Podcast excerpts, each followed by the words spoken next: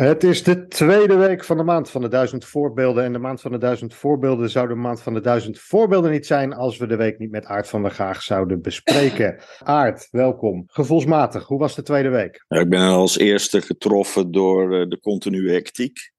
We zien uh, elke dag een, uh, een webservice, we zien elke dag een column. En die gaan natuurlijk ergens over. En die webservice, daar zie je elke keer weer wat er nu weer voor evenement in een bepaalde regio uh, is. Het wordt werkelijk op uh, de kaart uh, gezet. het lukt toch maar. Ik bedoel, tien dagen nu alweer rondgemaakt. En, en, en, je weet haast niet waar je naartoe moet gaan qua keuzes.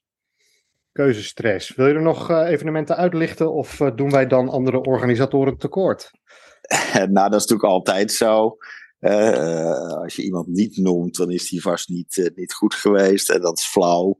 Maar ik vond toch wel mooi uh, uh, wat SBCM organiseerde, gebarentaal op, op de werkvloer.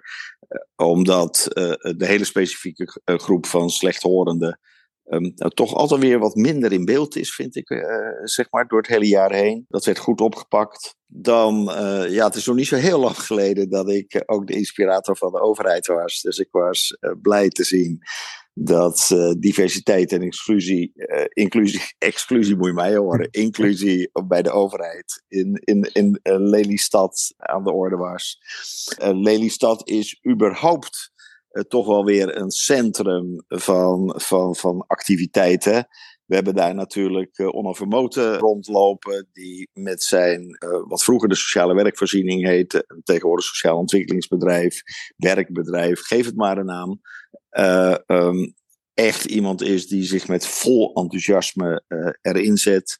Ze hebben daar ook een lokale ambassadeur, Irene Medema. Ja, dat is ook een heel goed initiatief, want die loopt al ook alweer heel wat uh, jaren rond. En die zorgt ervoor dat het niet alleen tijdens de maand van de duizend voorbeelden, maar ook uh, door het hele jaar heen op de agenda blijft. ja, ze blijven aan de gang.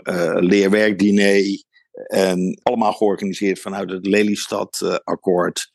Ja, ik ben wel trots op die club. Ik zou daar haast willen wonen, Kees-Jan. Nou, het was, het was zeer gezellig gisteravond. Dat uh, kan, ik je, kan ik je wel vertellen.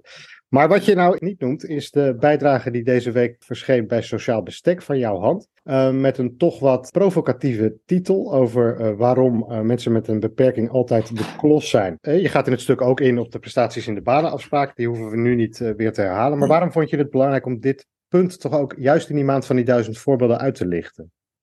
Nou ja, ik schreef een week of twee, drie geleden, weet ik niet meer precies, een, een column voor Flex News.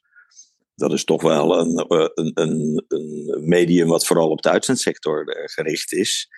Daar riep ik eigenlijk iets over die voltijdsbonus. Dat dat voor uh, arbeidsbeperkten heel onhandig uitkomt. Want voor hun is soms 12 uur al fulltime of uh, 24 uur.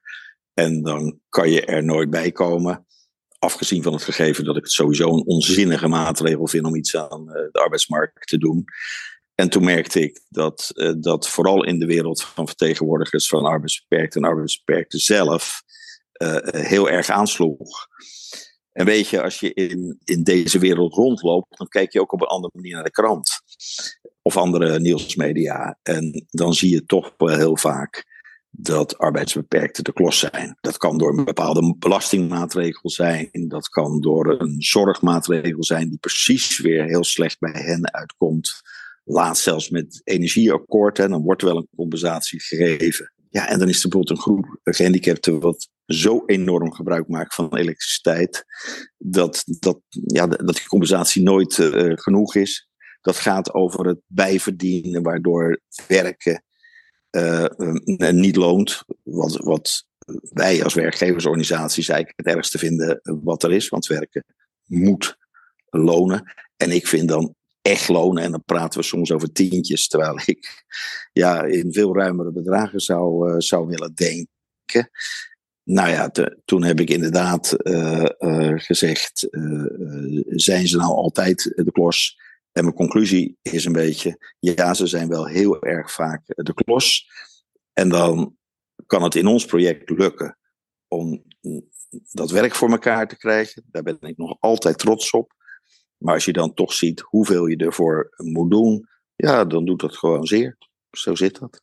Is dat omdat de belangen van deze groep, om het zo maar te noemen, te, te, te laag op de agenda staan? Is het niet, wordt dit niet genoeg? Nou ja, er zijn natuurlijk best, eh, er zijn best Kamerleden die zich daar ook hard voor maken. Die zien dat soms wel, maar volgens mij ziet niemand het grote plaatje.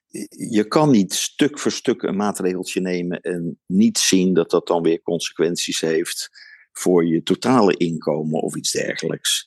Dus je zou een veel samenhangender beleid moeten hebben, specifiek op die groep arbeidsbeperkten, die overigens veel breder is dan de groep baanafspraak waar ik het nu over heb. Hè? Nou ja, daar, zouden in.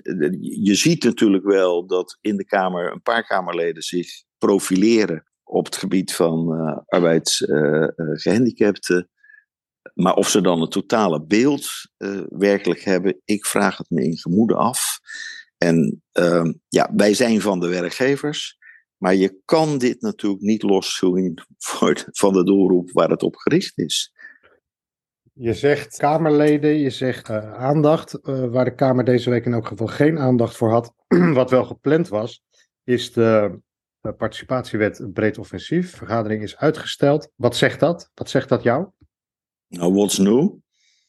Ik bedoel, ik ben daar natuurlijk volslagen moedeloos van geworden. Dat staat vier jaar op de agenda. En we hebben het project haast afgerond straks. De overheid loopt in 2024 al af.